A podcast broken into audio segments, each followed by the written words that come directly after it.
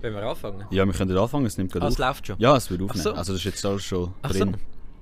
Ja, dann können wir, können wir das sogar reinnehmen. Äh, dann sage ich zuerst mal, Herr...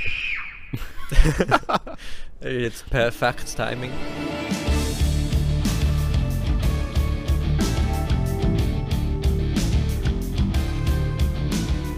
Sag mal herzlich willkommen an alle Zuhörer, die da, die da zuhören. Heute haben wir einen ganz speziellen Gast im Studio, nämlich den Tim Appenzeller. Ciao zusammen. Ich sitze mit ihm da auf der Gartenterrasse. Äh, auf der Dachterrasse. Nein, nicht Dachterrasse. Auf der Nein, Terrasse. Das ist schon auf der Terrasse. Genau. Äh, eigentlich wäre heute noch der Jan da. Der gute Herr hat aber. Äh, ihm ist noch etwas dazwischen gekommen. er lässt sich entschuldigen und richtet freundliche Grüße aus. Ähm, jetzt aber zuerst mal, um dich kurz vorzustellen, Tim. Mhm. Du bist ja ein grosser Schawinski-Fan. Darum jetzt für dich die Frage: Wer bist du? Ähm, also ich bin Tim, wie du mich schon schön vorgestellt hast. Ähm, ich bin 22 und arbeite als Videotechniker beim Schweizer Fernsehen. Sehr geil. Genau. Und dort hast du auch deine Lehre gemacht. Ja, also ich habe äh, im 15. die Lehre angefangen als Multimedia-Elektroniker Mhm. und habe jetzt äh, nach vier Jahren abgeschlossen und bin jetzt seit drei Jahren dann bald äh, Videotechniker in der Außenproduktion. Ja, also das ist aber nicht der gleiche Job, das was du jetzt machst Nein, nein, und das, das was ist, du äh, das ist ein komplett etwas anderes. Also in der Lehre sind wir in der Lehrlingswerkstatt. Gewesen. Mhm. Wir sind pro Jahr drei Lernende, gewesen, auf vier Jahre, also zwölf Lernende. Und wir sind eigentlich mit haben eine eigene Abteilung von Lernenden mit unserem Lehrmeister und Ausbildner. Mhm. Und haben, was haben wir gemacht? Wir sind für Sitzungszimmer verantwortlich gewesen, haben Arbeitsplätze für die Journalisten eingerichtet, verkabelt. Und überall, wo es ein bisschen Hilfe braucht, haben können von Lernenden, haben wir auch uns mal eingesetzt und Mhm. mitgeholfen in anderen Abteilungen. Aber schon auch im SRF-Studio. Nein, im Studio habe ich damals wirklich wenig geschafft. Also eigentlich Aha. gar nicht gross. Ich Also du bist eigentlich beim SRF angestellt gewesen, aber Genau. mehr so bei den bei den Pressekonferenzen. Genau, eigentlich mehr Richtung Büro. Ja. Also wir haben eben mit der Werkstatt gehabt, wo wir Geräte repariert haben. Mhm. Ähm, wir haben eben Sitzungszimmer, sind dort Support leisten, wenn Mhm. ein Journalist eine Sitzung hat und vielleicht der Laptop nicht funktioniert hat oder das Bild nicht gekommen ist. Das klingt eigentlich wie IT. Ja, es war so Also ein bisschen First Level Informatik. Support gewesen, in der Mhm. IT auch. Und was haben wir noch? So ein bisschen, eben wenn es gewisse Sachen gibt, wo wir andere Abteilungen können unterstützen können, die Hilfe gebraucht haben, sagen wir, ähm, wir haben, es ist ja das grosse Areal beim SRF, Mhm. und wenn jetzt eine Abteilung oder jemand das Büro gezügelt hat, sind wir angegangen und halt vielleicht Arbeitsplätze eingekabelt und die an einem anderen Ort wieder aufgebaut. Oder auch Fernseher eingerichtet an gewissen Orten, wo es einen, einen gebraucht haben. Haben da so hochrangige Politiker dort gehabt? Und äh, wenn den, bei denen der Laptop nicht gegangen ist, haben sie schnell einen Neustart gemacht. Nachher, Nein, also. Nein, eigentlich nicht. So, ho nein, hoch hochrangige Leute haben wir nie wirklich gehabt. ja. Also, sind die, Also ihr habt nicht mit Stars oder so zu tun gehabt? nein, nein, nein, wir sind, wir sind äh, mehr für die halt auch hinter der Kulisse oder Journalisten. So. Ja. Das höchste war vielleicht mal Moderator vom Kassensturz oder so, für die wir etwas gemacht haben. Aber du bist als Lernender kommst du da weniger in Kontakt mit Ja. denen. Ja. Und nachher, ähm, also jetzt bist du ja Videotechniker, hast du Genau. gesagt. Hast, hast du dich dort irgendwie müssen weiterbilden oder hast du einfach nach dem Lehrabschluss hast du direkt da können rein... Ja, also du bist eigentlich, wenn du anfängst als Videotechniker, bist du zuerst oft als Azubi geplant. Ja, also Und- Praktikum dann. Ja, also du bist, du hast eine volle Anstellung, Mhm. die wird sich auch nicht ändern. Also du bist nachher nicht ähm, in dem Sinn Praktikant oder Auszubildender etwas. Ähm, du wirst einfach auf Produktionen, wenn sagen wir, du tust normalerweise zwei Leute planen, zwei Videotechniker für etwas, dann nimmst du mich, bin dann als Azubi als dritte Person mitgegangen.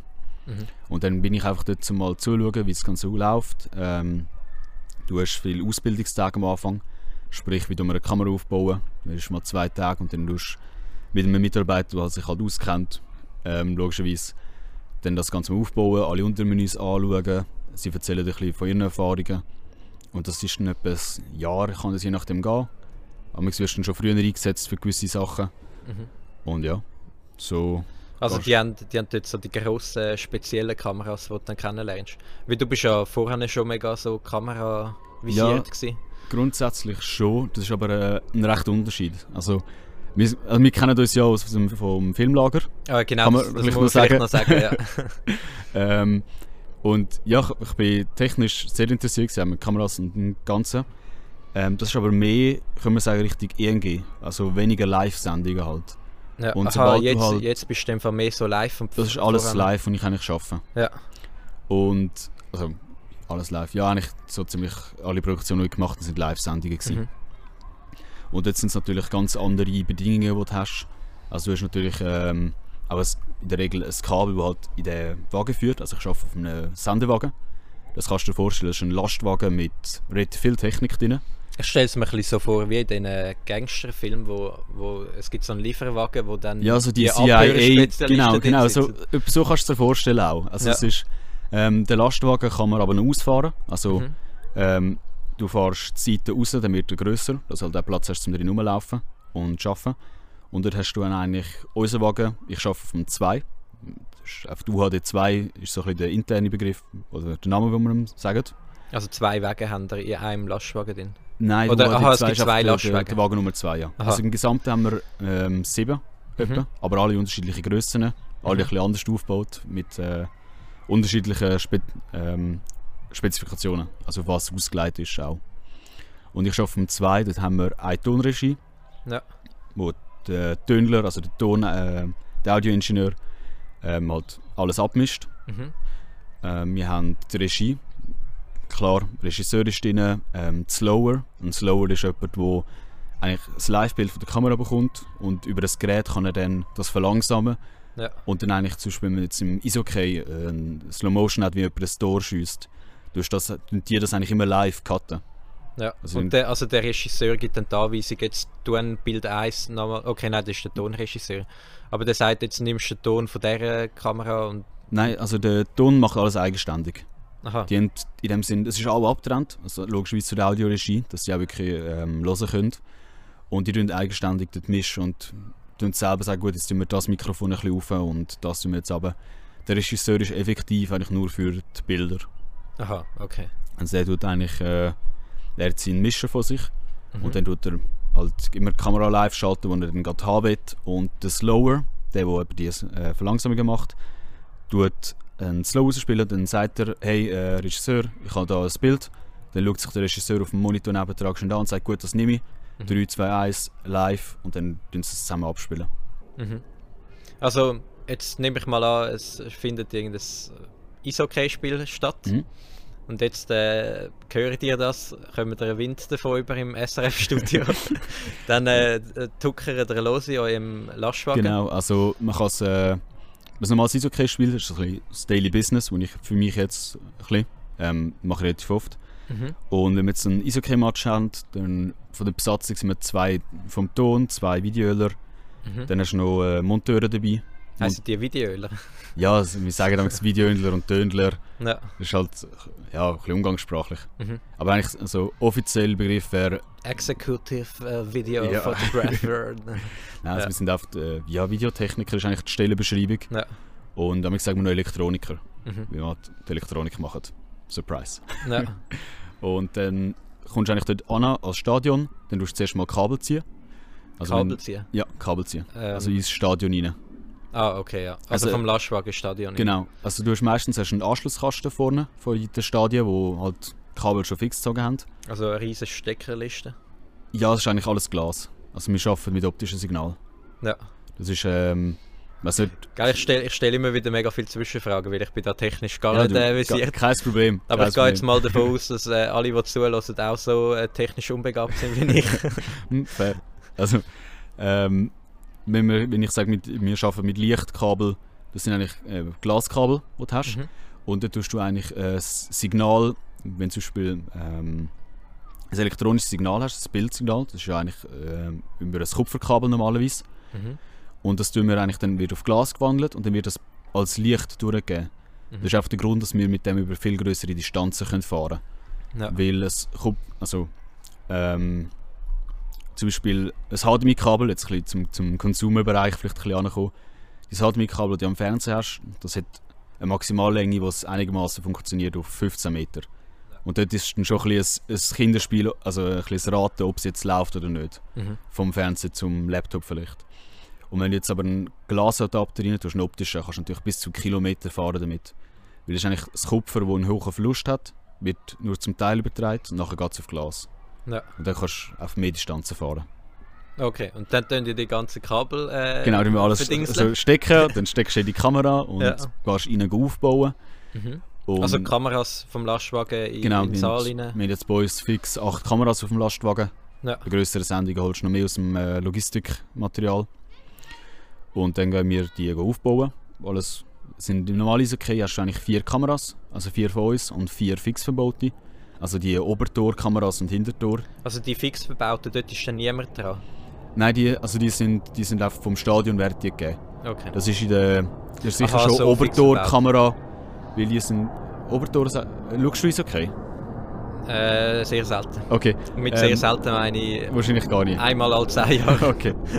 Nein, du hast ähm, oben und hinter dem Go äh, Tor hast du Kameras Mhm. und die sind vom Stadion dort, also wir haben die mal verbaut und die bleiben eigentlich dort. Aha, okay, die sind einfach fix dort. Genau, es sind so Ja. kleine Kameras und das ist ein kleines Gefummel, um jedes Mal aufzubauen. Mhm. Und so wir, ähm, haben wir die plus vier grosse Kameras Mhm. und die bauen wir auf und dann tun wir eigentlich die ganze Signalweiterleitung im Wagen schauen. Also dass der Regisseur eigentlich seine Bilder auch dort hat, wo er sie braucht. Also ist dann an jeder Kamera ein Kameramann Ja. dran? Genau. Ja. Und während der Sendung, also dann kommt nachher der Regisseur und alle kommen, wir sind ja im Vorhinein am Aufbauen gewesen, ähm, dann geht es an die Live-Sendung. Ja. Und dann sind wir zwei äh, Videotechniker im Wagen und wir fahren dann eigentlich Blenden fahren. Ähm, Aha, okay, also du bist nicht an der Kamera, wo Nein. dort... Äh, Ich bin kein Kameramann in dem Sinn. Ich bin, ja. Ah, darum Videotechniker genau, und nicht Kameramann. weil mit der Kamera, also wir tun wirklich nur äh, alles aufbauen, tun halt äh, Support geben, wenn irgendetwas nicht geht, äh, gehen wir auch den Kameraleuten schnell helfen. Und während der Sendung, aber das ist wie so ein bisschen der, der, kreative Teil, wie Mhm. gewisse dann sagen, und das machen die Kameraleute. Den Bildausschnitt suchen und das alles. Und wir sind dann eigentlich Blende am Fahren. Mhm. Ähm, Blende ist die Helligkeit eigentlich von der Kamera. Wenn jetzt zum Beispiel äh, im Fußball hast du ein Stadion, wo über freiem Himmel ist und jetzt schwenkt es, hast du einen Schatten drin, wo halt das Stadion wirft. Dann tust du von der dunklen Spielfeldseite kommen sie in die helle rein. Dann tun wir eigentlich in dem Wagen rein die Helligkeit fahren und den Regler runter, dass du als äh, Konsument, der nachher Fernsehen schaust, nicht das Gefühl hast, dass die Kameras anders aussehen. Mhm.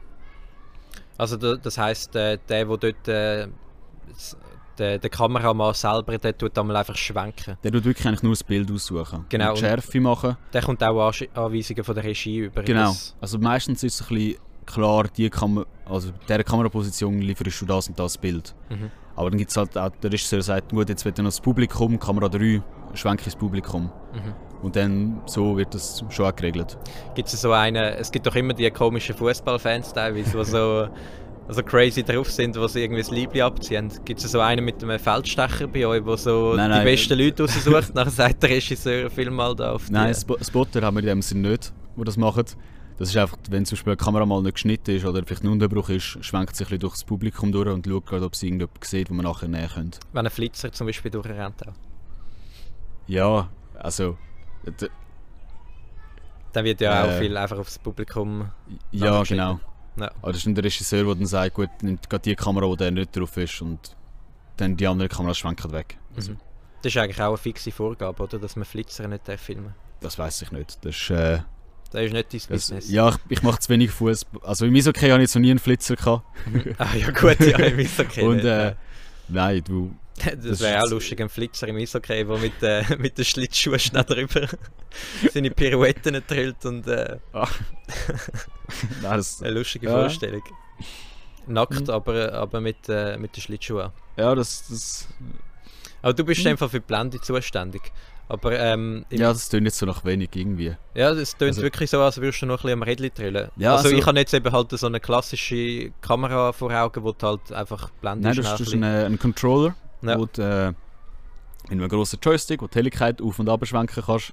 Und noch ganz viel sonstige Rädchen und allem Zeug. Und du kannst eigentlich kannst überall ein bisschen Du kannst eigentlich alles für die. Kamera über den Controller auch steuern. Also was wir auch machen, ist halt ähm, die Farbe. Mhm. Das kommt zum Beispiel im Eishockey geht es meistens, wenn du das Hallenlicht hast. Dann verändert Mhm. sich auch die Farbe nicht groß vom Eis zum Beispiel. Ja. Weil du kannst ja, der Weissabgleich sagt dir etwas. Genau, ja. Ähm, Dass, dass du eigentlich bei allen Kameras, das können wir vielleicht noch schnell für genau, die ähm, erklären, erläutern, dass dass bei allen Kameras sozusagen das gleiche... du Weiss hast. Ja. Also Genau. dass, dass äh, nicht das Gefühl hast, die eine Kamera hat jetzt ein bisschen einen Rotstich, wenn du aufs Bild schaust. Und die andere dann blau. Genau. Ja. Und das tun wir auch dort vor Ort regeln. Und das ist im Halle Hallenstadion zum Beispiel, das geht relativ gut dort, weil Ist gut beleuchtet. Und- ja, Mhm. und es ändert sich halt nicht. Was zum Beispiel ist bei Skirennen, mache ich auch noch. Ähm, Da kommen wir dann auch noch drauf zu sprechen. Ja, du bist bin- ja, bist ja ganz weit gereist. ja, ich bin ein bisschen sind, unterwegs. da, sind gewesen. da mit dem Lastwagen bis nach China Ja, übergetuckert? ja, da können wir nachher dann, äh, einfach nur zum Wieso-Gleich. Das ist einfach, wenn du, äh, wenn die Sonne zum Beispiel untergeht, in Adelboden merkt man es extrem. Wenn die Sonne anfängt runterzugehen, wird es mega rot, das ganze Bild, weil der Sonnenuntergang ist ja röter als am Tag durch. Und dann merkst du genau um eine gewisse Zeit, jetzt fängst du einfach an regeln. Jetzt bist du überall, äh, überall blau am Reinschrauben, damit das Bild weniger rot ist. Und, ja. Also am Reinschrauben, du bist einfach am. am Ja, du hast, du hast am halt einen. Regler und dann gibst du von dem Wert mehr rein. Und dann tut sich die Farbe dementsprechend anpassen. Das ist ein bisschen wie im Photoshop, wo du mit diesen Farbenrädern. Ja, ähm, ja, kannst, du- eigentlich ah. kannst du dir so vorstellen. ja. Genau. Wir kennen uns so, schon so lange und ich weiß immer, du bist da so Sachen mit Videos am Ja. machen, so da, aber äh, so genau habe ich es noch, noch gar nicht erfahren. Ja, ähm, genau. Und dann eigentlich am Ende von der Sendung wieder abbauen, das ganze Material wieder versorgen im Wagen. Ja. Und dann halt meistens machst du einem, also machst gerade mehrere Matches hintereinander. Ist okay, ist oft so.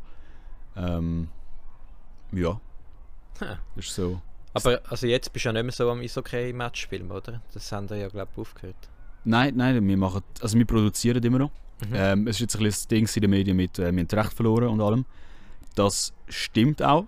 Also, ich weiß, ich kann nicht genau sagen, wie die Verhandlungen momentan aussehen. Das ist so halb fix, halb, man weiß es noch nicht genau. Mhm. Ähm, ich bekomme das auch nicht mit. Das ist äh, die Business-Abteilung, die das regelt. Du, uns, du wird, regelst nur die Farbe. ja, uns wird einfach gesagt, ja, jetzt, jetzt gehen wir dort und da- das machen wir. Mhm. Ähm, aber grundsätzlich sind die Rechte zum Produzieren sind Trend von der Ausstrahlungsrecht. Also wir sind früher, bevor ich im SRF war, bin, sind wir eine eigene Firma gewesen, also das TPC hat das damals geheißen. Mhm. Das war ein Tochterunternehmen von der SRG gewesen. und das ist eben reintegriert worden vor etwa zwei Jahren. Und wir haben aber früher schon ein Eishockey-Spiel produziert für MySport und das haben wir immer noch den Vertrag. Also auch für die Liga tun wir das eigentlich machen. Genau, und das ist eigentlich, das bleibt noch. Also ist, Ja. die Rechte haben wir noch. Aber äh, also du bist ja nicht nur ein Eishockey-Match am, am Filmen. Ja. Du bist ständig unterwegs, oder? Ständig am umeinanderfahren. Ähm, ja, ja, ähm, ich komme ein bisschen um. Ja. Und Du bist schon überall gewesen. Zehnmal auf. Also, China. ja, China ist natürlich äh, ein grosses Ding. Im Januar, Olympische Spiele. Mhm. Ähm, Wenn wir zuerst mal schnell über China reden. wenn wir über China reden? Ja. Ah, ist okay. Das ist ja. ein, ein grösseres Thema. Ja, Oder ich, habe ich schon lange nicht mehr darüber geredet. Schon lange nicht mehr darüber Ja. geredet? Hast, Ähm. hast du wahrscheinlich, wo du, äh, nachdem du dort warst, bist, jedem müssen erzählen, Ja. alle Einzelheiten. Ja, schon während China ist schon oft das Thema gewesen. Zwar Ja. mit dem Zeitunterschied, haben sie, Unterschied haben sie halt in der Nacht geschrieben, aber Stimmt, ja. du hast glaube das Handy ausgeschaltet gehabt. Also mir hast du nie zurückgeschrieben. ja, die habe ich nicht so Ich habe dir etwa 20 Nachrichten geschrieben. Ja, kann ich dich mal wieder äh, nicht, blockieren. ja. Echt, äh, ah, darum hast du kein Profilbild mehr. Aha. Ja, ja, genau. Also, ihr habt äh, den Lastwagen schlecht können nach, nach China mitnehmen. Der ist verschifft worden. Ah, haben- den Ja, haben ihr mit der ist äh, gut, ich glaube, eineinhalb Monate vorher ist der auf Portugal. Da kannst du mich, kannst du mich nicht. Äh, Haben die jetzt nicht drauf nein, kann man okay. mich nicht äh, darauf behaften. Ich glaube, Ja. Portugal ist es und dann ist Du dort, piepst jetzt aufs Stoss. ähm, ist dort aufs Schiff gegangen mhm. und dann sind ein paar einfach, äh, bevor wir angereist sind, den Lastwagen wieder geholt. Ja. Und der dann dort angefahren als Venue. Und du bist dann mit dem Flüger hinein. Ja, ich bin schön mit dem Flüger dann auf die Sendung gekommen, also auf den Aufbau. Mhm. Und also vielleicht zum sagen, ähm, wenn jetzt denkt, SRF geht auf China und alles, haben wir vielleicht das Studio im Kopf, wo man daran denkt. Ähm, hat eben das Studio mit den Moderatoren und allem, was es drin kann. Das sind aber nicht wir gewesen, das sind nochmal andere gewesen vom SRF. Das sind eigentlich äh, also eben das Studio-Team, kann man sagen. Die sind auch am anderen Standort gewesen. und wir sind für äh, Olympia gegangen. Also, Also haben- die, also die vom Studio sind aber auch in China gewesen. ja, die sind nämlich in China gewesen. Ja. Genau, das ist ein anderes Team gewesen. Äh, wir sind Die sind fürs Grobe zuständig gewesen. Ja, wir sind die, die müssen arbeiten. Die sind nicht zum Reden gekommen. Nein, wir, haben, äh, wir sind von OBS angestellt. OBS ist der Olympic Broadcast. Ähm, oh. Also das SRF ist bei ob ist dort Ja, ähm, ich, ich kann es gerade erklären. Äh, Olympic Broadcast Solution Mhm. ist OBS. Und das sind eigentlich die, die die ganzen Mediensignale und Produktionen regeln für Olympia. Mhm. Ähm, und die haben uns, also die schreiben das aus. Dann kann man sich bewerben oder man wird halt auch angefragt von ihnen. Und die fragen eigentlich seit Jahren SRF eigentlich an, um das zu produzieren. Also eben früher das TPC, wo wir extern sind und mittlerweile als SRF. Die Verträge sind halt auch alle noch so, ähm, die werden ja im Vorhinein schon gemacht. Mhm. Und dort sind wir, wir haben eigentlich die Skiabfahrten produziert. Also alle Skirennen, das ist zwei Hänge, das ist der Speed- und Technikhang. Mhm. Ähm, weiß nicht, kennst du dich mit Skisport aus? Ähm, ich sage mal so, ich habe äh, den letzten Dezember mein Wadenbein gebrochen beim Skifahren. ah, ah gut, dann bist du bist tief drin. Tief in der Materie drin. Nein, ich kenne mich nicht wahnsinnig gut aus. Okay, Ähm, ähm, es gibt so Disziplinen, vielleicht für, für Zuhörer, ähm, Super-G ist äh, Mhm. Speed-Disziplin, ähm, dann haben wir Slalom, Riesenslalom und all das ist eigentlich am gleichen Ort ist das produziert worden und dort haben wir eigentlich auch ähm, alle Kameras aufgebaut, ähm, Kabel gezogen, Mhm. Ähm, nachher eben während der Live-Sendung Blende gefahren. Ähm, ja, eigentlich das ganze Zeug haben wir dort äh, produziert für die. also dort bist du auch wieder im Lastwagen drin gesessen dann? Nein, ich bin bei Skirennen arbeite ich am Start oben. Aha, okay. Also bei Skirennen bin ich oben am Start ähm, und tue eigentlich dort schauen, dass all mein Zeug aufgebaut ist. Und dann eigentlich mehr den, den Support oder halt den, wenn es anfängt zu brennen, muss ich dann anfangen zu arbeiten. ähm, wie soll ich das sagen? Ich bin halt, wenn du zum Beispiel merkst, gut, jetzt eine Kamera hat das Problem, dann schaust du dort oben. Ähm, und wenn irgendetwas passieren wird, bist von, musst du wie noch jemanden am Berg haben, wo ich auch runterfahren kann. Also wenn natürlich... Wenn, Aha, dann hat es einen, Te so einen Techniker auf der in dem Fall, wo dann... Ja, also ich, eben, ich bin am Start oben Mhm. und falls es wirklich, wirklich etwas Gröbes wäre, müsstest du halt schnell runtergehen und zu einer Kameraposition anfahren. Mhm. Ähm, am Start oben haben wir oft eine GoPro, die man betreut oder die ich dann betreuen muss. Mhm. Ähm, GoPro, zum sagen, das ist so eine kleine, also die Actioncam kennt man Äh, die- sicher, Also GoPro kennt Ja, wirklich jeder. aber ähm, was sie macht, das ist, das ist eine Kamera, die wir im Schnee vergraben. Die tun wir eigentlich gerade bei den Fähnchen, tun wir die vergraben und dann können wir dort äh, Slow-Motion-Aufnahmen rausspielen. Hm. Und das ist eben, da können wir mit keiner grossen Kamera natürlich an. Mhm.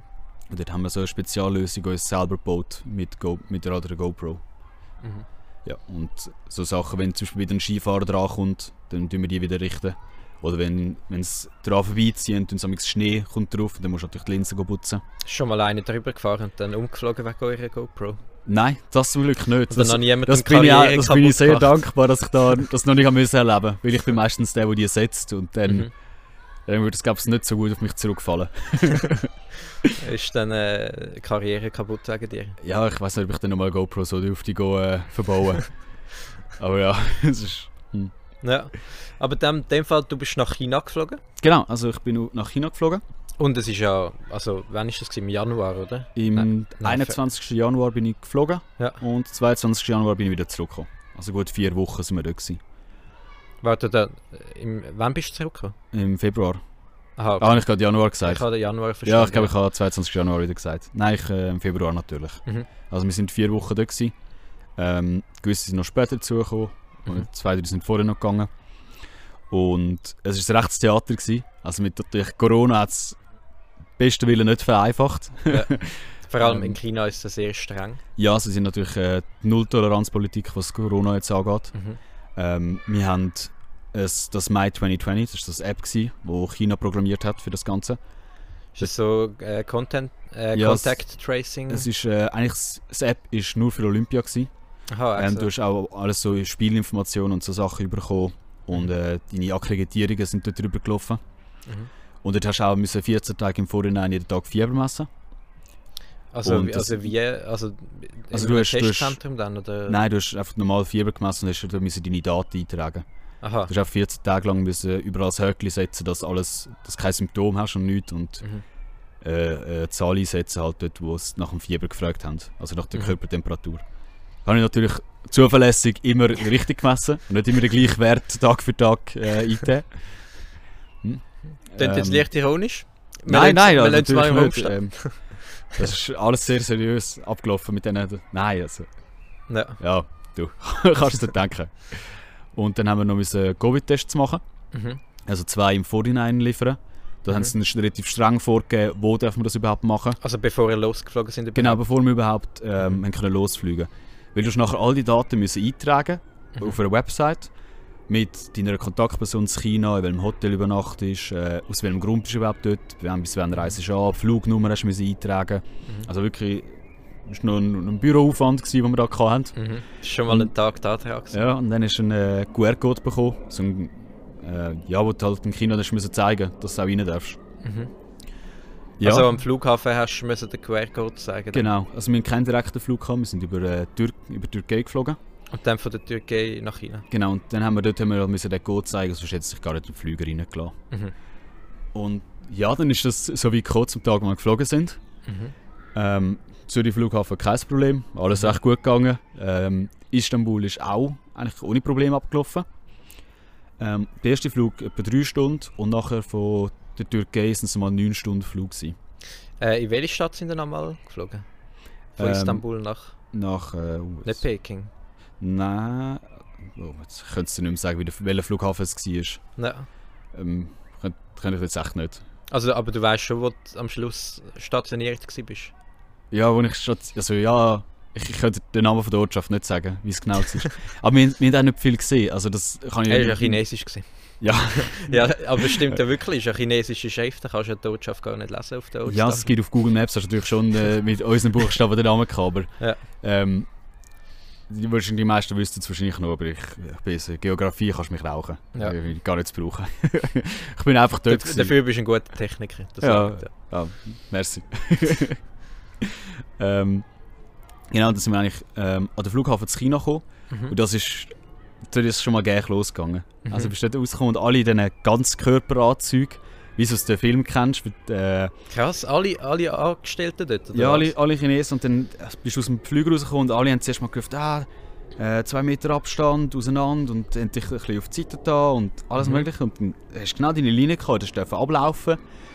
Und dann hast du überall nochmal deinen QR-Code zeigen, nochmal deine die ID eingeben und alles. Und Mhm. das sind schon die ersten mit so Gießkannen auf dem, also mit so Wassertanks auf dem Rücken rumgelaufen und äh, ja, wie Gärtner, wenn sie Unkrau Unkraut äh, Ja. sprayen, sind sie mit solchen Kanistern rumgelaufen und haben überall Desinfektionsmittel angesprayt, wo wir durchgelaufen aber sind. schon nicht also, auf euch drauf. nein, nein, das, das die Köfer haben es desinfiziert. Also Aha. bevor wir die bekommen haben, sind sie die alles durchgelassen mit Desinfektionsmitteln. mhm. Ähm, dann kommst du in den Flughafen und das ist, also der ganze Flughafen war gesperrt gewesen. Ganz Krass. Straub, ein Geisterflughafen fast Also schon. ist aber so ein riesen Flughafen Ah, wie in Zürich, oder? also, Ja, das ist wahrscheinlich gleich groß wie in Zürich. Mhm. Wenn nicht grösser. Also wir sind eigentlich, glaube ich, 15 Minuten sind wir Tramli gefahren zu unserem Gate raus beim Abreisen. Also ein riesen Teil und alles geschlossen. Alles leer. Alles, wirklich, du hast, die Läden sind zu gewesen.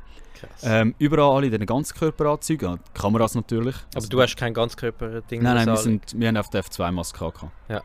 Also die weiße. Genau, Mhm. also ja, weiss. Die, Ja. ja. die Entenschnäbel, Genau. kann man sagen. ähm, und dann hast du ja überall gesehen, der, der Flughafen war richtig abgefuckt schon. Gewesen. Also das Metall und so angerostet, weil es halt einfach überall das Infektionsmittel ansprayt. Also richtig Aha. den Belag angegriffen. Aha. Gewisse Sachen sind mit, mit Frischhaltefolie eingewickelt gewesen. Also ganz, ganz Also damit, damit die nicht auch bespray- besprayt, weil die Nein, schneller weil's- kaputt Ja gehen. genau, einfach, dass die nicht Mhm. kaputt gehen, aber da wäre genau gleich sind die angesprayt worden und dann sind die mit zwei Paar Handschuhen da gewesen und haben, dann haben sie unseren Pass entgegengenommen in diesen Schalter Mhm. und dann haben die, haben die ja mit diesen Handschuhen hure Mühe gehabt, die, haben das Zeug auseinandernehmen und das anzuschauen, das versteckst du an, dann du gedacht, aber, also in welchem Film lande ich jetzt gerade? Das ist wie, wie so eine Zombie-Apokalypse, etwas- kannst, kannst du dir vorstellen. Das ist so ein einmaliges Erlebnis. Ich meine, so ein ähm, ausgestorbener Flughafen da mit. Nichts war dort. gewesen. Also, wir sind, glaube ich, irgendwie auch das einzige Flugzeug, das dort gestanden ist. Also, nein, zwei andere von Olympia. Mhm. Aber das, der ganze Flughafen war einfach nur für uns abgeriegelt. Gewesen. Also wie viele sind ihr dann gewesen? Sind, Ähm, ist einfach euer Team vom SRF oder sind Nein, es sind andere auch Kameras? externe. Es sind, äh, also dort, in dem Moment, in dem Flüger, wo wir kamen, Istanbul, sind quer durcheinander gewesen. Also Mhm. es sind auch andere gewesen, die für andere Produktionen gemacht haben. Mhm. Also zum Beispiel Skispringen war eine andere Firma, gewesen, die das Mhm. produziert hat. Die sind auch mit uns teils angereist und das war einfach so der, der Landeflughafen, gewesen, der, der Corona-Flughafen, kannst du so Ja. sagen. Halt alles abgesperrt ist. Ähm, ja, und dann haben wir dort relativ lange gewartet auf unsere Koffer, bis die mal gekommen sind. Die haben, haben wahrscheinlich zuerst Ja. jedes einzelne Ge Gepäckstück Ja, sind, noch, über, sind jedem äh, Koffer einen Covid-Abstrich gemacht. Also, sind, ah, ja, also ja, das ist äh, mit dem... Haben sie es aufgemacht? Oder? Nein, nein, einfach außen dran. Aha, Und so haben sie es noch. Ähm, Mhm. Wir mussten zwei PCR-Tests noch müssen machen vor Ort. zwei? Ja, du musst also einmal Rachen und einmal Nase. Mhm. Ähm, und dann ist nachher ins Hotel gefahren worden, über so einen Gar, den man kennt. Mhm. Dort Ähm, ist auch wieder einer im Schutzanzug dann. Ding. Überall. Also im Hotel sind sie ein bisschen lockerer gewesen, dann haben sie die Maske und so, äh, so Gesichtshuben noch vorne dran. Mhm. Ähm, wie die Schweissenbrille. Mhm. Du hast sicher auch schon gesehen, im Medizinbereich findest du in der Schweiz Ja. auch an gewissen Orten. Aber ähm, das ist, die Fahrt dann ist schon mal recht cool. Also Also, ihr dem- ihr sind wahrscheinlich mega müde gewesen, als ihr angekommen sind, oder? Und so Also, Jetlag und alles. für mich war jetzt nicht so das Problem, gewesen. ich kann im Flugzeug relativ gut pennen. Mhm. Ähm, Aber bist du mega irgendwie schockiert gewesen, oder ängstlich? Oder? ja, ängstlich nicht. Ich, ich habe ja gewusst, irgendwie komme ich sicher wieder raus. Ja. Es ist einfach immer ein bisschen die Anspannung, gewesen, weil du hast gewusst, wenn jetzt natürlich Bus... Aber jetzt kommst du in die Quarantäne in China. Mhm. Und das ist natürlich, wenn, vor dem Flughafen, wenn du dort positiv gewesen wärst, du gesagt, gut, dann gehe ich jetzt halt wieder heim. Blöd. Also, Schon, hätte sich dann. Weißt du, wenn ich im Zürich Flughafen vorher schon positiv gemeldet Okay, ja, wäre hätte ich natürlich können sagen, gut. Ja. Oder in Istanbul wäre ich auch wieder irgendwie zurückgeflogen worden. Mhm. Oder wäre halt in der Türkei gewesen. Aber in China hättest du dann in ein Dort hast du natürlich müssen. keine Ahnung gehabt, was auf dich zukommt auch. Also du Aha. hättest natürlich... Wow, dann hast du richtig Angst gehabt, wo, du- äh, wo du aufs Testergebnis gewartet Ja, hast. ja, und dann ähm, haben wir die Abstriche und so wir gemacht. Und dann sind wir, glaube, zwei oder drei Stunden sind wir mit dem Bus gefahren zu Mhm. unserem Hotel. Ja, jetzt kann eigentlich verfahren. Das ist, äh, es ist auch recht schockierend, gewesen, wie wenig von Englisch haben können. Also die Kommunikation ist nicht so einfach. Gewesen. Mhm. Ähm, dann haben wir dem Busfahrer versucht zu sagen, dass das nicht unser Hotel ist, wo er uns aussetzen will. Einfach, vor allem bei so Jobs wie Busfahrer, wo du eigentlich Englisch Ja. ein bisschen können. Ist schon ja, also ihm ist eigentlich gesagt worden, wo er anfahren muss. Mhm. Weil wir sind auch nicht zu in die Kabine gekommen. Die war auch doppelt mit Plexiglas abgeschirmt. Gewesen. Mhm. Und dann hat er uns in einem anderen Hotel aussetzen und dann er, die steigen jetzt nicht aus. Und wir haben gewusst, das ist nicht unser Hotel. Da steigen wir jetzt sicher nicht aus. Mhm. Weil, man muss auch sagen, wir haben, wir haben so eine Bubble gehabt. Also das ist eine Zone, wo du darfst dich aufhalten Und wenn du aus dieser Zone rausgehst, dann, Also eine Bubble, also so eine Zone in China, oder? genau, man sagt einfach eine Bubble im Sinne von, ähm, dass wir beieinander sind. Dass du jetzt nicht, Mhm. zum Beispiel ein chinesischer Zivilist zu uns Kontakt kommt. Also du, du darfst nicht über die Straße springen und äh, einem Ja, genau. chinesischen äh, Geschäftsmann die Hand schütteln. Ja, dann, also dann, das gäbe 14 Tage Quarantäne. Einfach Krass. mal instant. Krass. Und wir haben halt gewusst, wenn wir jetzt da aussteigen, weil es halt alles, es ist ja gerade neu gewesen. Und wir haben Mhm. jetzt nicht gewusst, wie streng, wie wird das jetzt angeschaut. Wenn wir jetzt da aussteigen, was kommt denn, also, du am Schluss nicht jemand tun, weil wir jetzt in der falschen Zone ausgestiegen sind oder was könnte da passieren. Mhm. Äh, Dann haben wir irgendwann das Hotel gefunden. Und das Hotel ist wirklich wie äh, wenn du von einem Waffenplatz fährst. Das ist, äh, sind zwei Leute vorne der Busfahrer Papier entgegengenommen. Dann ist mal so die Schranke aufgegangen. Dann haben Krass. zwei so Teergitter auf die Seite geschoben. Dann ist er weiter reingefahren. Dann haben sie noch mehr Papier entgegengenommen. Also ist irgendwie der Zutrittskontrolle hast du sieben, acht Chinesen gehabt, die mal das, Hm. der eine hat noch ein Foto gemacht beim Handy, jedes Mal, und das müssen eintragen in einem Buch. Mhm. Und dann bist du ins Hotelareal reingefahren. Und das war ja ganz skurril, gewesen, weil es eigentlich so ein Resort oder weiß nicht, was Aber also genau das wäre. Hotel hat normal ausgesehen, wie ein Ja, normales das wäre so ein Hotel. Seminarhotel wäre es eigentlich gewesen. Ja. Und die Website hat sehr, sehr cool ausgesehen und alles. Und das ist dann ein bisschen spannend gewesen, weil du hast es, um das ganze Hotel sind Teergitter äh, platziert worden. Also du bist gar nicht von dem Areal weg können. Und dann hast du auch gesehen, wie die Chinesen patrouilliert sind. Es sind immer zwei mit Taschenlampen sind zur Nacht durchgelaufen und wenn du aus dem Hotel auf dem Fenster geschaut hast, hast du die gesehen, dort unten mit der Taschenlampe halt den Haargabel laufen und wie irgendeiner von uns rausgeht. Also Krass. ähm, dann sind wir ins Hotel eingecheckt und dann hast du einfach zuerst mal aufs Zimmer müssen, auf Mhm. das Testergebnis warten. Ah, dort haben wir nochmal einen Test gemacht. Nein, du hast, äh, der Test ist halt das ist kein Schnelltest gewesen, das war ein Aha, PCR gewesen. aha, okay. Und dann hast du natürlich müssen einen halben Tag warten und dann ist äh, Ja. ins Zimmer müssen und das Zimmer nicht dürfen verlassen. Ähm, hast Hast du du aber können, immerhin, immerhin ein bisschen Paprika-Chips dort gehabt und Nein, einen schönen. Es, es hat ein, äh, ein Hotelläden gehabt, da hast du Mhm. mhm. posten gehen. Ähm, halt zu dem Zeitpunkt noch nicht, weil du noch nicht in dem Sinne noch könntest positiv sein. Und dann bist du aufgeschickt worden ins Zimmer und dann ist Essen bestellen und haben die, Wie im Gefängnis haben sie es dann so durchgeschoben. nein, es, es, ist, es ist viel besser gewesen, die haben einen Essensroboter gehabt, der das gebracht hat. Was? Das war so ein Roboter, gewesen, der ist dort rumgefahren. Also wie, wie stellt man sich so einen Roboter Das vor? Wie, so ein, äh, wie, wie eigentlich ein Staubs so ein automatischer Staubsauger, ein bisschen höher. aha, so und- klein. Also nicht so höher, aber nicht so, nicht so breit. Und dann haben die Mhm. das Essen in den Küche rein und dann ist der durch, durch die ganze Lobby gefahren und dann in den Lift rein. Der hat den Lift selber können rufen. Aha. Und wenn du mit dem im Lift warst, bist, hat er mit dir geredet. das, ist, das ist ganz skurril. Also der hat, der hat dann Deutsch können. er hat auf Englisch geredet natürlich. Aha. Aber dann hat Der er hat so, gesagt, hello Tim, uh, er I have, gesagt, Hello, nice to meet you. Watch out, I need some space. Und du bist nicht mit dem, mit dem reingestanden. Und wenn er aus seinem Stock kam, ist, hat er gesagt, It was a pleasure to, ja, also, it was a pleasure to ride with you. Ganz, ganz, äh, Hurig, also du denkst wirklich, du bist im falschen Film. ja, äh, und dann kommt, dann läutet das Telefon im Zimmer, und dann machst Mhm. du die Tür auf, dann steht der Roboter dort. Und dann macht er, macht er auf, und dann kannst du es rausnehmen, und dann, thank you very much, have a great day. Und dann fährt er wieder weg. Und dann denkst dann habe ich mir schon gedacht, okay, dann ist es jetzt aufs Zimmer geschrieben worden, vom Mhm. Zahlen her. Und jetzt haben die da, haben die da auch keine Lösung dafür gehabt. Und immer wenn du das sofort zahlst. Und dann ist eine halbe Stunde später, hat es wieder geläutet bei mir. Dann mache ich die Tür auf und steht ein Chines dort. zum Zahlen. Kein Roboter, der geschickt das Geld. Also wirklich ganz, ganz Er ist ein Chines da gestanden und hat gesagt, das macht noch 4,50 Franken, gell? Ja, und dann mit, mit dem Kartenlesergerät und du bist du gestanden und hast gedacht, ja, aber jetzt, jetzt haben die da den Roboter, wo mir das Essen bringt, nachher können wir das selber kassieren. Ich wollte einfach wollen angeben, dass es ein Roboter ja, ist. das war einfach ein Flex für die. Also, ja. Ist, äh, was wir haben. Ja, und dann, Krass. Nachher hast du, also haben wir ein Einzelzimmer gehabt, da sind Ja. alle zusammen nein, wir haben äh, Dopp also, äh, Doppelzimmer gehabt, allein. das zweite im... Nein, wir, also es war allein. Gewesen. Aha, Oder so das zwei, also so einem Doppelbett, in jedes Einzelzimmer gehabt. aha. Ja. Mit Badzimmer und allem. Mhm. Also das Hotel war eigentlich okay, gewesen, abgesehen vom Schimmel, was es hatte und dem Staub, was es hatte. Und Mhm. ja, sonst ist es gegangen. Hätten sie jetzt besser auch noch mal müssen drüber sprühen Ja, sie haben, sie haben, wir haben mal geschaut, sie haben es vor zwei Jahren vorher haben sie es renoviert gehabt. Wahrscheinlich, Mhm. weil sie gewusst haben, dass sie dort äh, für Olympiasachen machen. Aber ja, es ist, es ist okay gewesen. Mhm. Aber schon schlimmere Hotel gehabt, kann man sagen. Aber krass. Ähm, und ja, dann ist es am nächsten Tag eigentlich schon losgegangen. Mhm. Dann sind wir am 8. se- Am ersten Tag sind wir noch um 8 Uhr gegangen, nach dem nächsten Tag eigentlich auf die 7 immer auf den Bus. Und dann bist du eine Stunde zum Areal gefahren. Ähm, und wenn du zum Areal gefahren bist, ja, ich habe es noch angenehm gefunden. Du hast halt zuerst zum Morgen gegessen und nachher bist du noch eine Stunde am Schlafen im Bus. Mhm. Ähm, und im Areal hast du äh, ja, da unseren TV-Compound haben wir gehabt. Das ist, Das musst du noch ganz schnell Genau, erklären. Ich ähm, weiß natürlich, was es ist. ja, logisch. Aber äh, äh, unsere, Hörer sind, unsere Hörer sind alle blöd. Äh, ein TV-Compound ist halt das Areal, wo fürs Fernsehen ähm, freigegeben ist in dem Sinn. Also, Ja. wo einfach unsere Lastwagen stehen mit allem. Und- Bubble.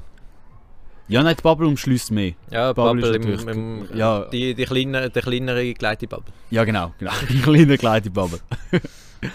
ähm, und dort haben wir auch das Lastwagen gehabt, dann ist es mal darum gegangen, das Material auf den Berg zu bringen. Ja. Und in der Schweiz ist das sehr angenehm. In der Hätte Schweiz, hätte ja wieder können den Roboter nehmen können, das Zeug. ja, ich weiß nicht, ob der schneetauglich gewesen wäre. Ähm, aber auf jeden Fall haben wir dann das Material mal ausbeindelt, gesagt, gut, dass die Kamera kommt auf das Podest und das dort hin. Mhm. Ähm, dann hat das alles rauf müssen auf die Podest. Mhm. Und in der Schweiz ist es sehr angenehm, du nimmst einen Helisack, da kommt ein Heli, dann fliegt das auf das Podest auf und du kannst das Material gerade da oben entgegennehmen Ja. und dann aufbauen. Jetzt, Jetzt, haben jetzt haben die aber kein Heli gehabt. ja, jetzt ist das halt das Naturschutzgebiet, gewesen, wo die dort äh, Ja. die Skirennen gemacht haben. Es war auch recht geil, gewesen, weil du vom ganzen Areal nicht rauchen ähm, weil es eben ein Naturschutzgebiet ist. Und sie haben Die, ja... Für dich als gewohnter Zigarrenraucher Ja, ist- Raucher natürlich Habe ich natürlich auch, wie nur noch am Zittern den ganzen Tag. Nein, ich, ich will als Nichtraucher... genug äh, Schnaps noch können trinken ja. Aber weil es ein Naturschutzgebiet war, haben sie gesagt, du darfst noch nicht rauchen. Und Mhm. dann ist, also schon einen Meter neben der Skipiste, ist eigentlich Naturschutzgebiet gezont gewesen. mhm. Also ist halt, die, in das Naturschutzgebiet haben die einfach ganze Straßen rausgerissen, Mhm. halt schnell umgezont. Also, Ähm. also die haben das Naturschutzgebiet eigentlich kaputt gemacht, aber auch Und ja, dann und halt äh, Skipisten reingebaut. Ja. Und dann haben sie es dumm da, weil es ein Naturschutzgebiet ist, jetzt dürfen sie mit dem Heli fliegen und alles. Und dann haben wir halt immer müssen auf den Radtrax warten. Auf den was warten? Radtrax, Radtrax. ein Pistenfahrzeug. Ah, Genau. ja, genau. Ähm, und das ist natürlich super, weil so ein Pistenfahrzeug, das ist ja nicht so hoch. Mhm. Und die Podeste sind ein bisschen höher oben. Ja. Und jetzt hast du dein ganze Kameramaterial, der, der, das Pistenfahrzeug dir neben das Podest fährt. Jetzt musst du es aber noch raufbringen. Und dann bist du halt mit einem Seilzug bis zweite oben die Kiste am Aufziehen. Und das, ist ja, das Material ist ja nicht gerade günstig. Also das ist so ein Objektiv, dann bist du schon mal bei etwa 100'000 am Schluss. Ja, natürlich ein bisschen ungünstig, wenn das runterfliegt. dann. Ja, ist natürlich, also wir haben schon eine Kiste und so, was es ja Mhm. schützt, aber es ist eben auch ein hohes Gewicht. Mhm. Also der, der hast am Abend auch gewusst, was du gemacht hast den ganzen Tag, bis Ja. das Zeug mal da oben war. Ja, und dann ist es halt ums Aufbauen gegangen. Ähm, wir haben Glas, also jetzt kommen wir wieder zu den Glaskabel. Ähm, bei einem Glaskabel hast du einen Pegel, also einen Wert, den du hast, wo natürlich wie starkes Signal da drin ist. Und desto länger hast du natürlich einen Verlust. Und jetzt haben die die Kabel, die sie verbaut haben, sind relativ günstig gewesen. Weil sie haben uns einen Teil zur Verfügung gestellt, Infrastruktur. Ja. Weil sie halt, im, das sind natürlich Monate gewesen, was das im Vorhinein schon verkabelt haben, die Piste. Jetzt haben wir nicht überall so schlechte Werte gehabt. Wir sind eigentlich nur am Fehler suchen gewesen, wo uns die, die Glaswerte eigentlich gebracht haben. Also, kannst du dir äh, vorstellen, du hast auf der Kamera die Anzeige ähm, zwei rot, drei gelb und drei grün, die du haben kannst. Und wenn du Mhm. natürlich grün hast, ist das super, dann ist ein gutes Signal.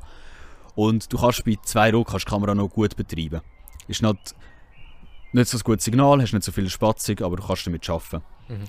Jetzt haben wir halt vielleicht eins Rot gehabt, bis kein Rot.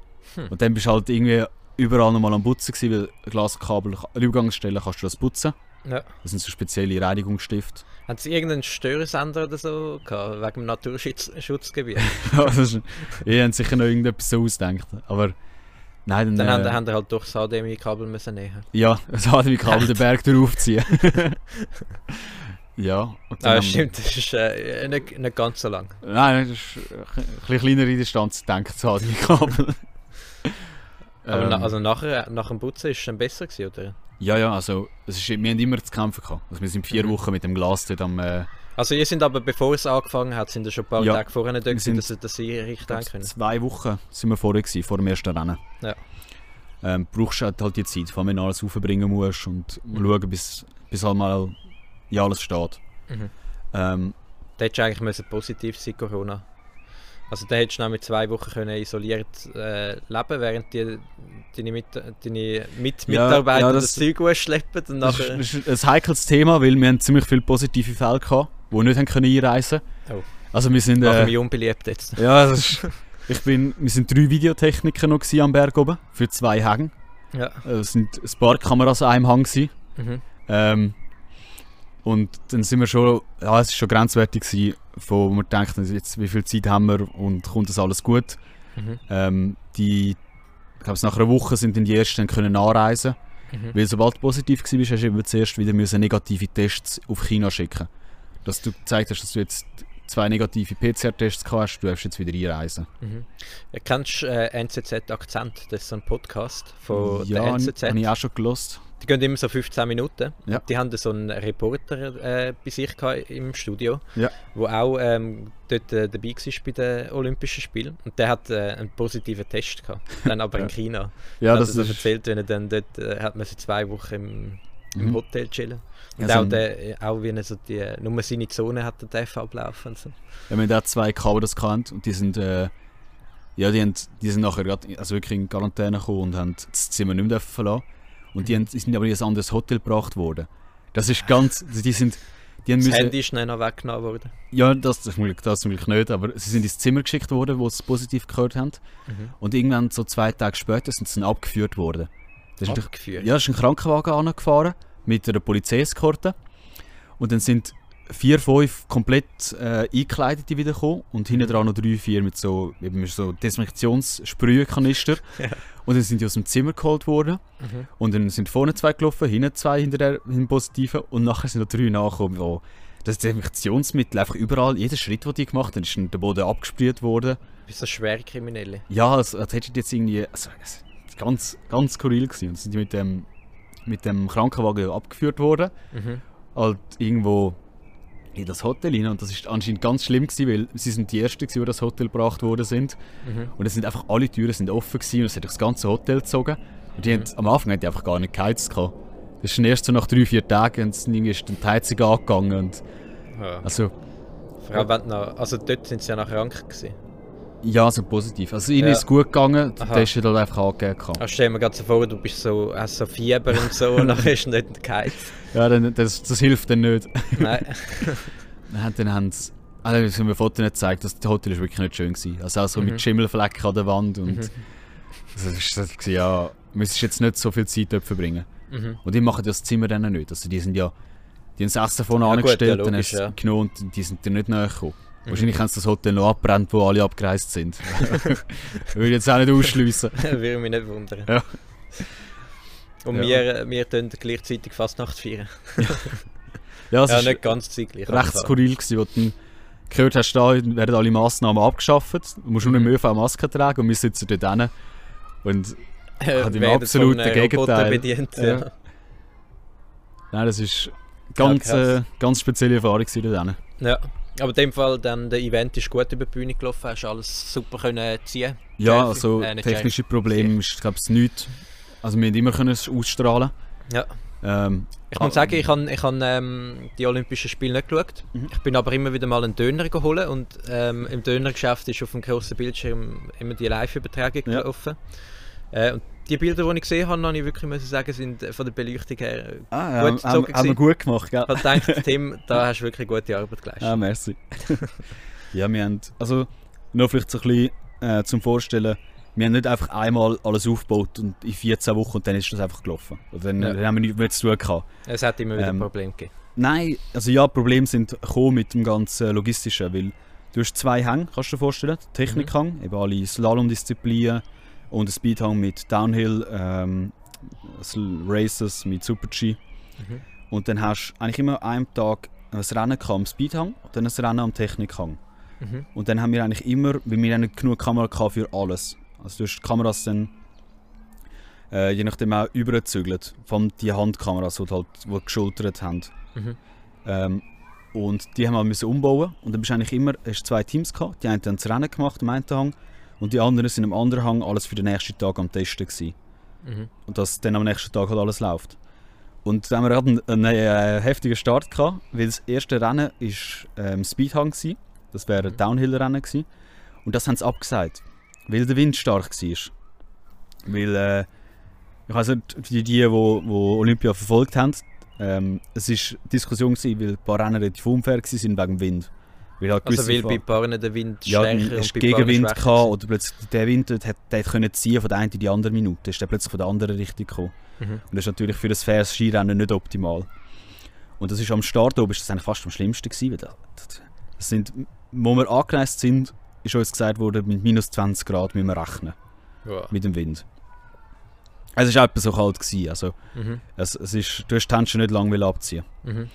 Ähm, Vor allem, wenn- aber also die Schärfe hast du aber dann doch im Innenraum gezogen, nehme ich an, also nicht draußen. Ja, das ist also, im, im schon- gewesen. Okay. Sonst wäre es wirklich kalt. Also für, für Kameraleute war es natürlich schlimm, gewesen, weil die sind natürlich immer draußen gestanden während der ganzen Renntag. mhm. Ähm, je nachdem, zum Kamerabild rein kannst du ja nicht Handschuhe anziehen, alte zu dicke. Also die sind, die haben wir schon allein da, Ja. muss man sagen. Hast du Ähm, dann ab und zu einen Tee rausgebracht? ja, wir, haben- wir haben einen Teekocher haben wir schon am Start oben gehabt. Mhm. Das war äh, das cool. Gewesen, der Teil. ähm, wo bin ich? Gewesen? Wegen. Ah, Genau, äh, ah, wegen- genau es wegen- hat sich verschoben wegen Ja, wegen. Super-G, äh, Ähm, wegen dem Wind. Dann haben sie das Rennen abgesagt und dann vorhin haben sie gesagt, ja, es gibt nie zwei Rennen am gleichen Tag. Das Mhm. wird es nicht geben. Ja, es hat am nächsten gesagt, Tag... Ja gut, dann machen wir halt. Ja, am äh, nächsten Tag hat das erste Rennen, das wir gemacht haben, sind dann gerade zwei gewesen. Der erste Renntag. Und das ist natürlich, wenn du noch keinen, also in der zweiten Woche haben wir es nochmal gehabt, dass zwei Rennen am gleichen Tag gefallen sind. Aber dann bist du auch schon ein bisschen drin, weißt du. ja. Und dann hast du so die Haupt, also das Rennen, das dann losgeht und du bist gleichzeitig am Nachmittag musst du alles umgebaut haben, dass es dann läuft. Mhm. Es hat dann gut funktioniert, also die Sendungen, wir haben nie die Sendung nicht auf die Bühne, auf die Beine stellen. Mhm. Aber jetzt sind wir dann doch auch kurz im Stress gewesen. Krass, was alles dahinter steckt, wo man sich da gar nicht Ja, äh, überlegt. rechter logistischer Aufwand. Auch halt mit, der Rad also mit den Pistenfahrzeugen zum Schauen, Mhm. ähm, dass sie das Material auch wieder. Das ist ja, was cool war, sie haben die Rennen so geplant, dass du eigentlich von oben runter hast können arbeiten Mhm. Also die Rennen, die die längste Piste hatten, sind als erstes gewesen. Und das zweite Rennen hast du dann schon wieder eigentlich oben alles können abbauen und dann hast du nur noch wieder den Start unten gebraucht. Mhm. Ja, das haben sie fair gemacht im Fall. Ja, das ist, das haben sie- das ist äh, Da sie sich angenehm. Ja, Ja, da hat sich zum Glück jemand Gedanken gemacht. ja und Ja. Äh, würdest du wieder mal in dem Fall deine Winterferien in China buchen? N- Nein. nein, äh, Hast du es zuerst mal gesehen? Zuerst mal. Ja, ich würde sagen, ich habe China mal gesehen für den Moment. Ja. Und nein, ich wüsste jetzt nicht, warum ich auf China. Also vor allem die chinesischen Fahrer. Also ich will jetzt da niemandem etwas vorwerfen, aber die Helfer, die wir hatten, haben nicht so gut Ski gefahren von den Chinesen. Also es Ja. war nämlich ein bisschen mühsam gewesen, Gut, wenn du. sich auch nicht so gewohnt halt. Ja, es ist, es ist natürlich keine Skination, Mhm. so wie dem, aber wenn natürlich dann die Kamera, also die Kameratasche so vorne dran hast, dann fährst du die Strecke durch ab und dann hast du 16 Helfer, die dort im Stammbogen quer durchfahren über Ja. die Strecke, die du runter willst. Dann bist du manchmal- sind- ja. noch viel, viel Traffic. Gewesen. Also in dem Fall, ähm, das ist, äh, das ist, hat es noch mehr Abenteuer gegeben in China, oder ist das so? Also, wir haben natürlich nichts gesehen von der Stadt und allem. Ja, das, Äh, das sind wir abgeschottet. Ja, das, das, sind wir gut, gut, das ist gut geschaut worden von uns, dass wir da Ja. nicht ins, am falschen Ort kommen. Ich habe einmal, einmal hast du glaube so ein Bild auf Insta gepostet oder so, wo er so alle Techniker sind da in so einem engen Räumchen am Boden gesessen. Am Miassa sind wir da. Gewesen. Ah ja, am Das Miassa, ist, das war äh, glaube am letzten Tag oder so. Gewesen. Ja, das war das letzte Rennen gewesen, und das haben sie verschoben gehabt, die ganze Zeit. Und dann haben wir halt, äh, sind das Rennen auf zwei Stunden später verschoben wegen dem Wind. Mhm. Und ja, was willst du denn machen? Du bist ja nicht in der Kälte raus. Mhm. Also haben wir uns einen Kaffee gemacht und ein bisschen Karten gespielt. Haben Ja. wir euch ein bisschen Zeit für euch genommen? Ja. haben wir, sind wir in einen Hub reingegangen. Also ein Hub ist so ein Container, wo ein bisschen auch unsere Technik drin ist. Mhm. Und dann sind wir dort gewesen, zusammen mit ein paar Russen. Äh, die Russen haben die Piste gemacht. Ja. Also äh, die Fähnchen gesteckt und auf der Seite das Netz gemacht und alles. Mhm. Wir sind mit denen dort gesessen und es ist... Ja, Die haben auch Englisch können. Ja doch. Also haben wir mit denen gejasset? Nein, mit denen haben wir nicht gegessen.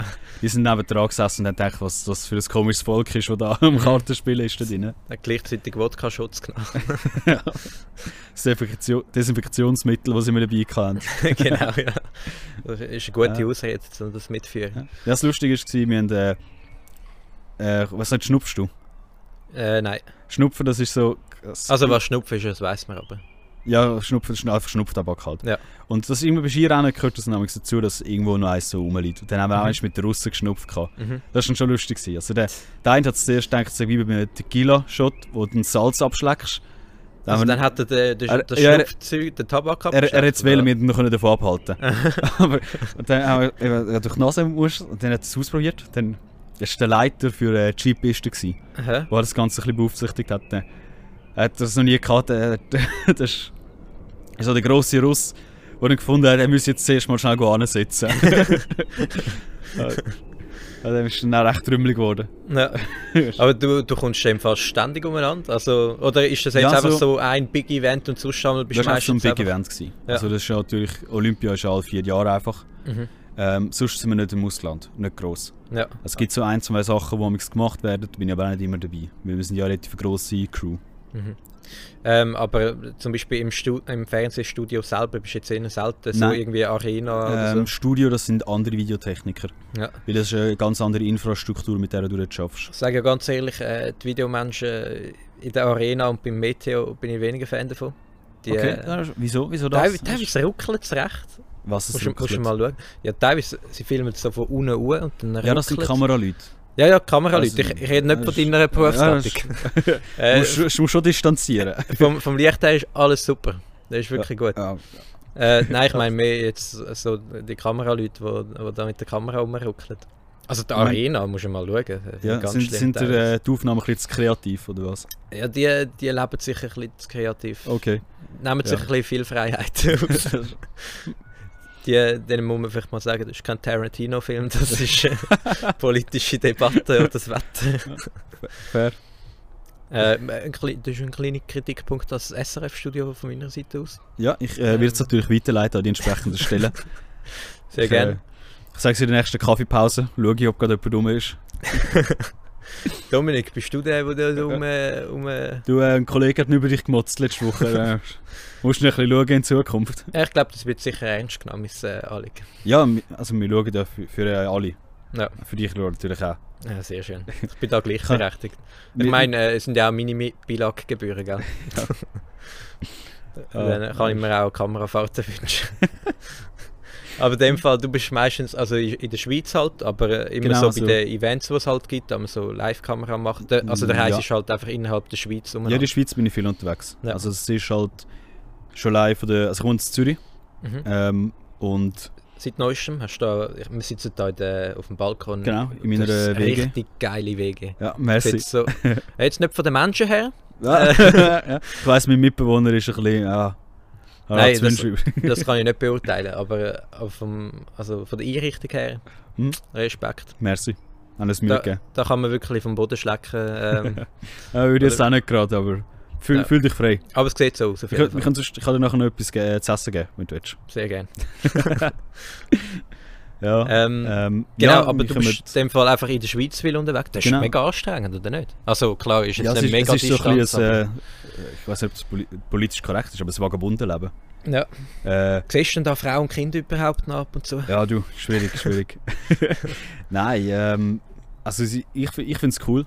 Mhm. Vor allem, Vor allem, wenn man noch jung ist. ja, eben, wenn du keine Mhm. Familie hast, sind, wir haben auch viele Familienväter und alles eigentlich bei Mhm. uns im Geschäft. Das schafft, wir sind relativ breit aufgestellt. Mhm. Und ich glaube, für gewisse ist es halt schon auch schwierig, vor allem wenn du jetzt sagst, du machst Olympia, wo du zum Beispiel vier Wochen weg von der Familie bist. Mhm. Das ist sicher, äh, habe ich es einfacher. Vielleicht je, je nach Corona-Test noch, noch ein bisschen länger Ja, weg. ja, dann bist du noch 14 Tage plus, dann Ja.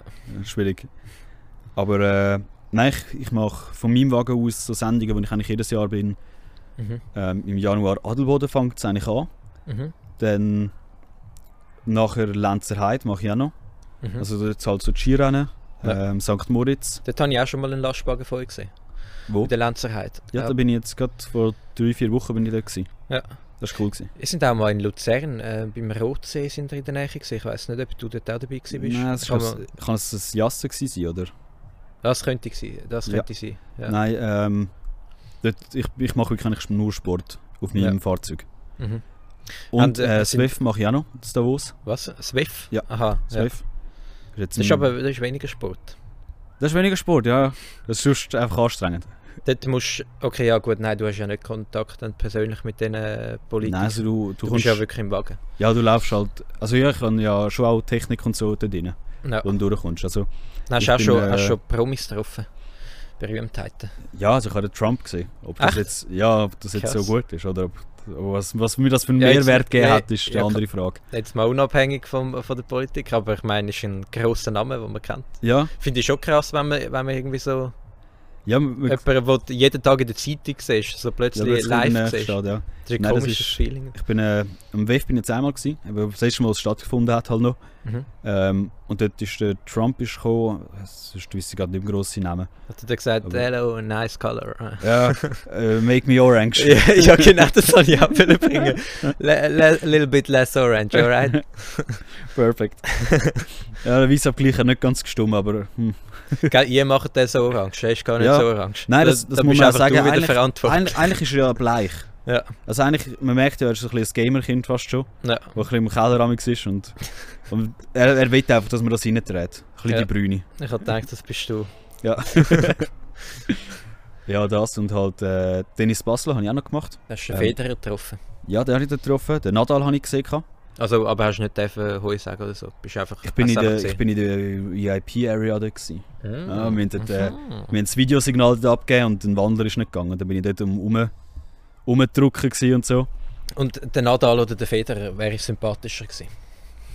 Wer ist, wer ist da? Ah, natürlich der Federer. Das, ist ja jetzt, das kann ich ja gar nicht falsch sagen. Ja.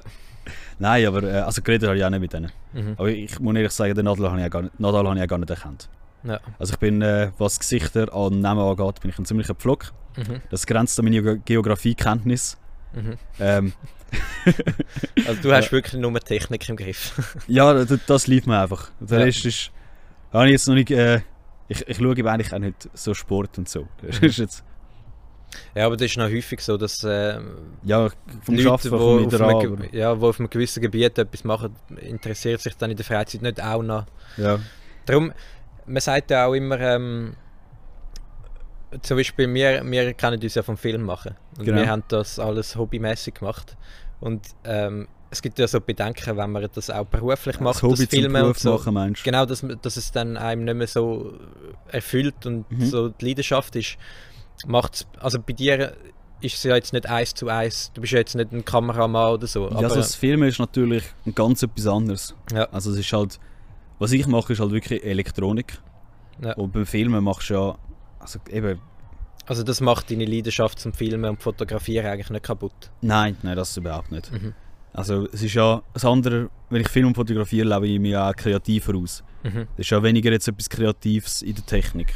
Ja, dort musst du halt einfach ein gutes Bild haben. Ja, also, du musst auch, das Technik ist ja, wie soll man das denn sagen, es ist weniger kreativ, du tust gewisse Lösungen, die wir haben, sind schon kreativ. nicht Äh, kreativ, sondern technisch. ja, ja, es ist eben, es ist Mhm. Aber hast, hast du privat noch so Filmprojekte am Start? momentan gar nicht. Ich weiss, Also du bist sehr viel als Fotograf unterwegs. Nicht mehr. Nicht Seit äh, das Militär hat mir das ein bisschen kaputt gemacht. Ja. Ich bin früher ja viele Clubs am Fotografieren gewesen, Mhm. ähm, weil es eigentlich recht, recht gut gegangen ist vom Arbeiten. Weil Mhm. mhm. Eishockey-Matches sind am Nachmittag. Dann hast du unter einer Woche und Woche eigentlich immer können, zuerst einen Club fotografieren, dann ein paar Bilder bearbeiten, die ersten schicken, gehen schlafen gehen und dann wieder arbeiten. Mhm. Ja, ist, äh, es war eine kurze Woche gewesen. Ja. Hast du nie Angst gehabt? Im, ich denke mir immer, wenn ich Clubfotografen sehe, Mhm. ich hätte mega Angst um meine Kamera bei Ja, all das diesen versi- das lässt du betrunkenen... versichern. Aha, okay. Also, Ja. ich, ohne versicherte Kamera würde ich jetzt auch nicht um. Also, würde ich, würde ich gewisse Sachen auch nicht so machen, wie ich es dann dort gemacht habe. Mhm. Aber wenn du ja eine gute Sich- Versicherung hast, dann, dann hast du ja nicht viel zu befürchten. Also, dann setzt du sie einfach. Es ist ja ein Werkzeug. Du brauchst Mhm. ja zum. Es ist ja zum Brauchen da. Also momentan hast du in dem Fall nicht mehr so gross äh, Film- und Fotoprojekt wegen Militär. Ja, ja, es war ja mit Corona ist ja und Ah ja, dann haben alle Clips zugehört. genau und wo eben alles wieder gelockert wurde ist, bin ich noch im Militär festgesessen. Aber ähm, also, Und du hast so dich ja nicht nur auf Clips spezialisiert beim Fotografieren, oder? Ja, das ist eigentlich schon der einzige so Auftrag, den ich eigentlich gemacht habe. Das andere war mehr ein hobbymäßig.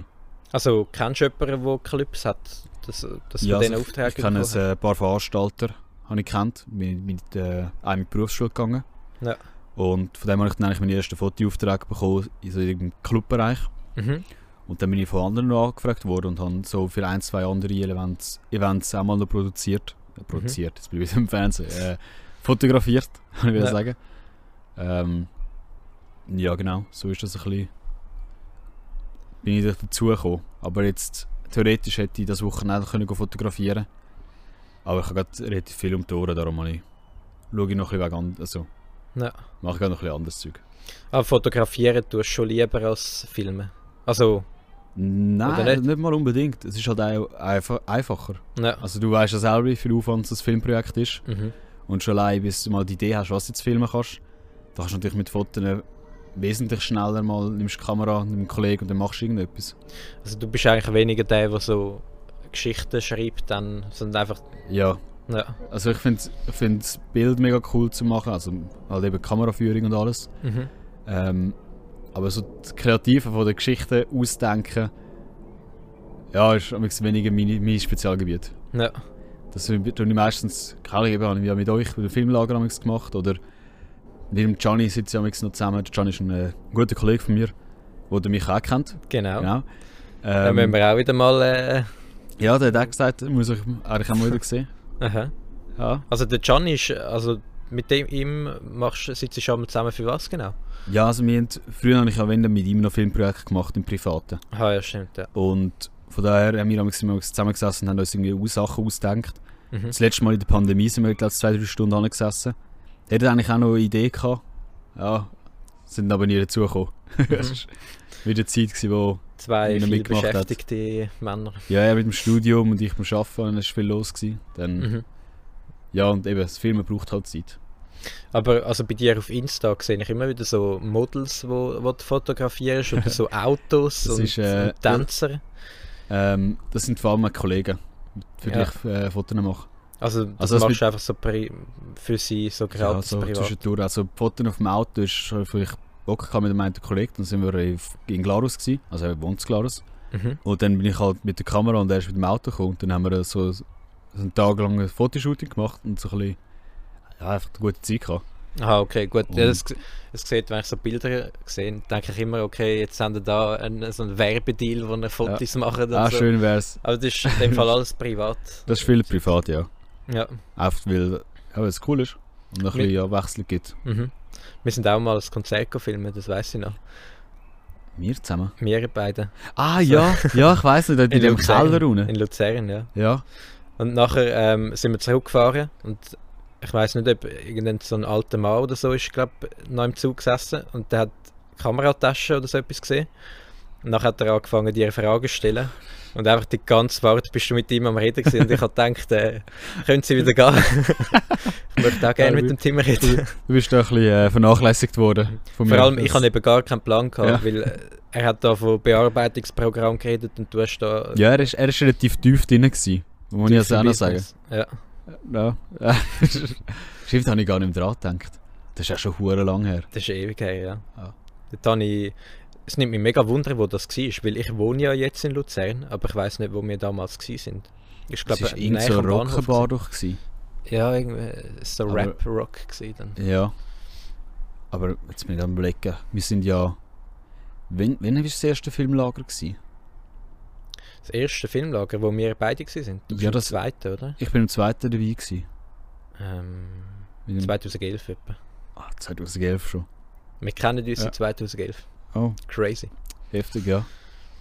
Haben uns jetzt lange aus den Augen verloren. Aber Nein, äh, du hast immer wieder geschrieben. Ich ha, ich das muss man sagen, der Micha hat immer ein bisschen probiert, Kontakt zu halten. Ich habe halt meistens abgesagt. Also nein, meistens ist jetzt äh, falsch gesagt. Ich habe eigentlich immer abgesagt. ähm, ja. aber nicht- du bist meistens im Militär. Gewesen. ja, ein Jahr lang im Militär und dann halt noch, wenn ich vom Arbeiten ist es halt damals schwierig gewesen. Mhm. Aber ich, ich wäre eigentlich immer sehr gerne gekommen. Es hat Ja. mir meistens auch sehr leid da, dass ich äh, immer abgesagt habe. Äh, Entschuldigung. se- Sehr versöhnlich, äh, wie wir da Ja. aufhören. Dann äh, danke ich dir vielmal für, äh, für, das spannende Zeug, das du erzählt Ja, hast. bitte, bitte. Merci, dass ich da ein Gast sein von dir und dem Jan. Also Ja, sehr von gerne. dir. Ja, ich finde, der Jan hat jetzt nicht so viel zum Gespräch dazu beigetragen. Aber Ja, er, ist, er ist ein guter Zuhörer. genau. also, danke vielmals, Tim. Ja, bitte. Ganz Micha. einen schönen Abend. Dir auch. Wir gehen jetzt noch gut äh, einkehren. Hm, essen. Gut. Ja. Du hast gesagt, du, du kochst mir etwas Gutes. ja, ich bin... Ich, also, Mikrowellenpizza hätte ich.